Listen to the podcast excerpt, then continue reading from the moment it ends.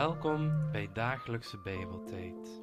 Ik ben Liam en ik heb het verlangen om mensen te motiveren om dagelijks bezig te zijn met het Woord van God.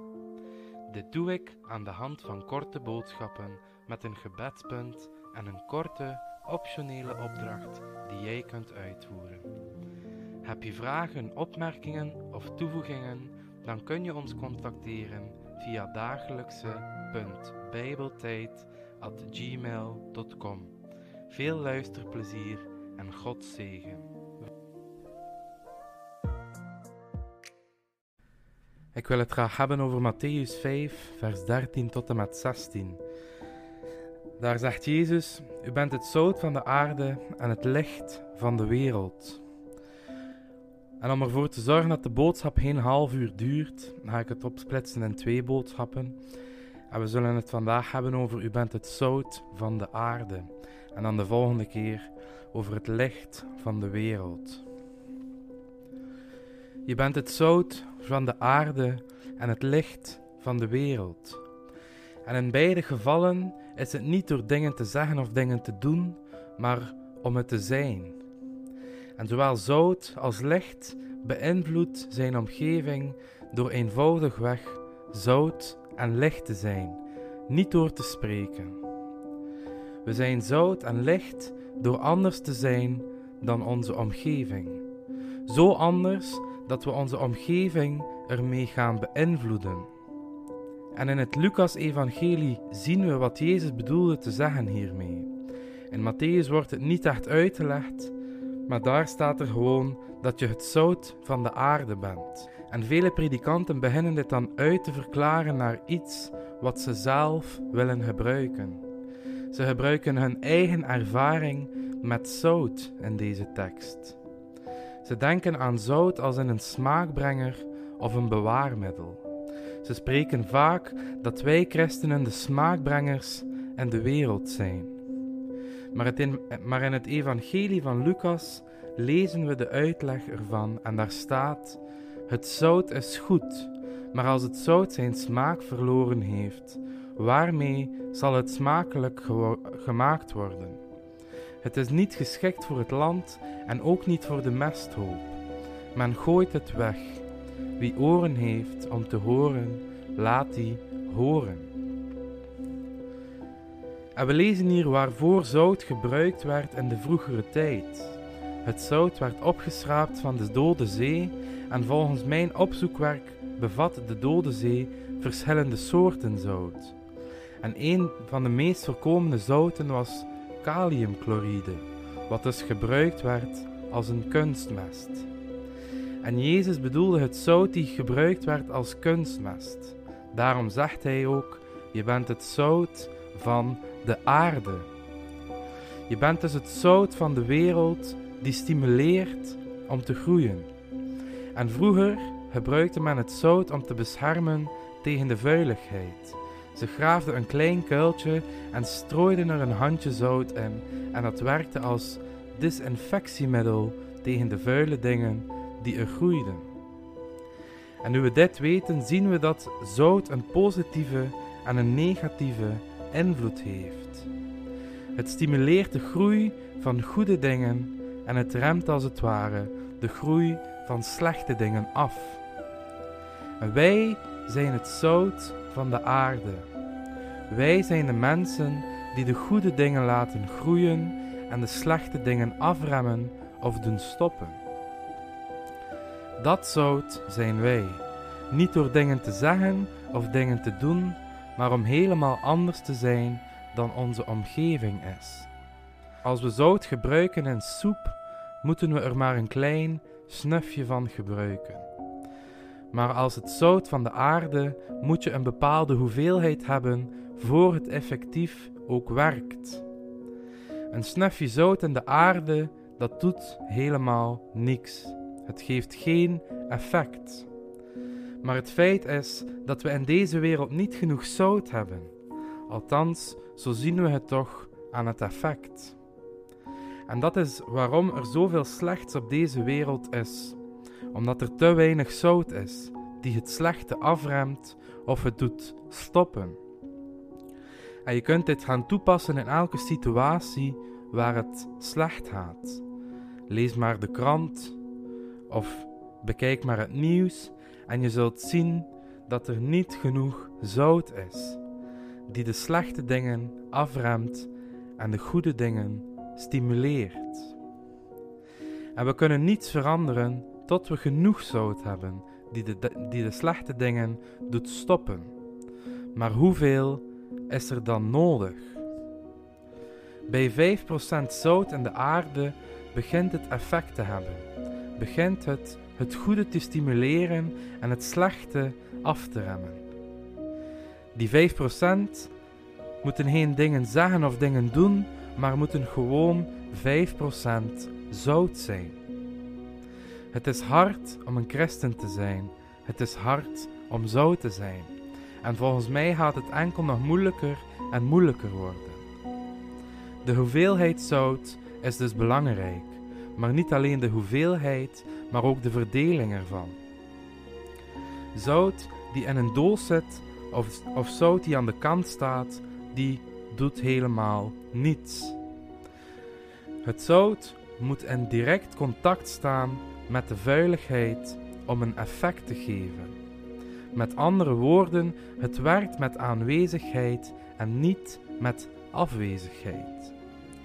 En zolang we onszelf opsluiten in onze christelijke vertrouwde omgeving, kunnen we geen zout zijn. We hebben dus zeker 5% zout nodig, maar als die 5% dan nog eens opgesloten zit in enkel en alleen maar kerken, dan is het nog niet eens zout. We moeten in de veiligheid werken als het ware. We moeten in direct contact staan met de slechte dingen om effect te hebben erop. In een bedrijf waar 5% christenen werken, is het geheel anders dan een bedrijf waar er geen christenen werken. En we neigen soms om enkel en alleen maar op christelijke plaatsen te komen en te zijn, terwijl we op ons werk, waar we misschien de enigste christen zijn, eigenlijk de ideale plaats is voor zout om zijn effect uit te dragen. Als wij onszelf gaan opsluiten als christenen, dan nemen we de mogelijkheid van vele mensen weg om tot Jezus te komen. En ik hoop dat dit motiverend mag zijn om te blijven waar je bent, op je werk, in je straat of in je dorp. God strooit ons uit als zout. En als Hij je ergens heen leidt waar je de enigste christen bent, dan is het God die daar zegt: Hier is wat zout nodig. We hebben op zoveel plaatsen zout nodig. De regering heeft zout nodig, de leiders van het volk hebben zout nodig, overal hebben we zout nodig. Zout werkt dus alleen met direct contact met de vuiligheid. Het derde aspect van zout, en dat is waarschijnlijk nog het belangrijkste voor ons, is het aspect van de kwaliteit van de zout. De hoeveelheid zout is dus heel belangrijk. De verdeling hoort in direct contact te staan om zijn effecten uit te dragen, maar dan komt het natuurlijk dat zout wel zoutig moet zijn. En Jezus spreekt over zout die zijn smaak verloren heeft. Zout kan van nature zijn smaak niet verliezen. Maar wat bedoelde Jezus hier dan mee? Door vermenging met andere stoffen, wanneer er dus te veel gemixt wordt met het zout, is het geen zout meer. Heeft het geen smaak meer, geen effect meer. Wanneer wij dus als zout ons gaan mixen met wereldse dingen, dan zijn wij onze smaak kwijt. Het zout verliest dus zijn kwaliteit, zijn zoutigheid. Denk maar aan wat wij zouden doen als we een zoutvat zouden kopen en die vol met zand zit. We zouden die wegsmijten. Wij christenen kunnen enkel en alleen maar invloed hebben op de wereld als we anders zijn dan de wereld. We kunnen onszelf vergelijken met een boot in de zee. De moment dat er te veel water in de boot zit, zitten we in de problemen. En persoonlijk denk ik niet dat er niet genoeg zout in de wereld is, maar eerder dat het zout zijn smaak verliest. Het rechtstreeks in contact staan met de aarde zou niet moeten zijn dat de aarde ons wegtrekt, maar dat wij hun vuiligheid doen stoppen. We horen dus niet mee te gaan met de wereld. Als wij zout zijn, dan zou de aarde ons moeten volgen en wij niet de wereldse dingen volgen. Wij moeten effect uitdragen op de wereld en de wereld niet op ons. Met andere woorden, geen gaypastors, geen LGBTQ-vergaderingen in kerken, geen sprake over abortus, geen pro-life of pro-dit, maar pro-zout. En het meest aansprekende wat Jezus zegt over het zout is: het zout is goed, maar als het zout zijn smaak verloren heeft, waarmee zal het smakelijk gemaakt worden? Wanneer wij onze smaak verliezen, waarmee zal het smakelijk gemaakt worden? Dit is dan ook direct de opdracht die ik je wil meegeven om mee te nemen in je stille tijd. Als wij het zout zijn die zijn smaak verloren heeft, waarmee zal het dan smakelijk gemaakt worden? Hoe zijn en blijven we dan onze kwaliteit goed behouden? Raar maar waar, door bijna altijd het andere te doen dan wat de wereld doet. De wereld moedigt ons aan om carrière te maken, om, om uit onze eigen kracht te handelen, om voor je droom te leven en noem maar allemaal op. Terwijl God wilt dat we in Zijn kracht handelen, nederig zijn, niet trots, niet jaloers en ons, en ons leven toewijden aan Hem. Onze motieven, ons vertrouwen en geloof moeten bijbels zijn. Handelen in liefde en genade waar mensen ons uitlachen en bespotten. Daarom zegt Jezus ons ook in Lucas 6, vers 22: Zalig bent u wanneer de mensen u haten. Nu, hoe kunnen de mensen ons haten? Door zo te zijn. Er staat verder, en wanneer zij u uitstoten en u smaden en uw naam als slecht verwerpen, omwille van de Zoon des Mensen. Wanneer wij zout zijn, zullen de mensen ons haten en ons uitstoten. Maar onze Heer, onze Redder, zegt ons: Zalig bent u wanneer je dit ondergaat.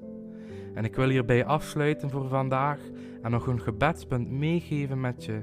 En het gebedspunt gaat als volgt: Bid dat je zout mag zijn en dat je de smaak niet mag verliezen.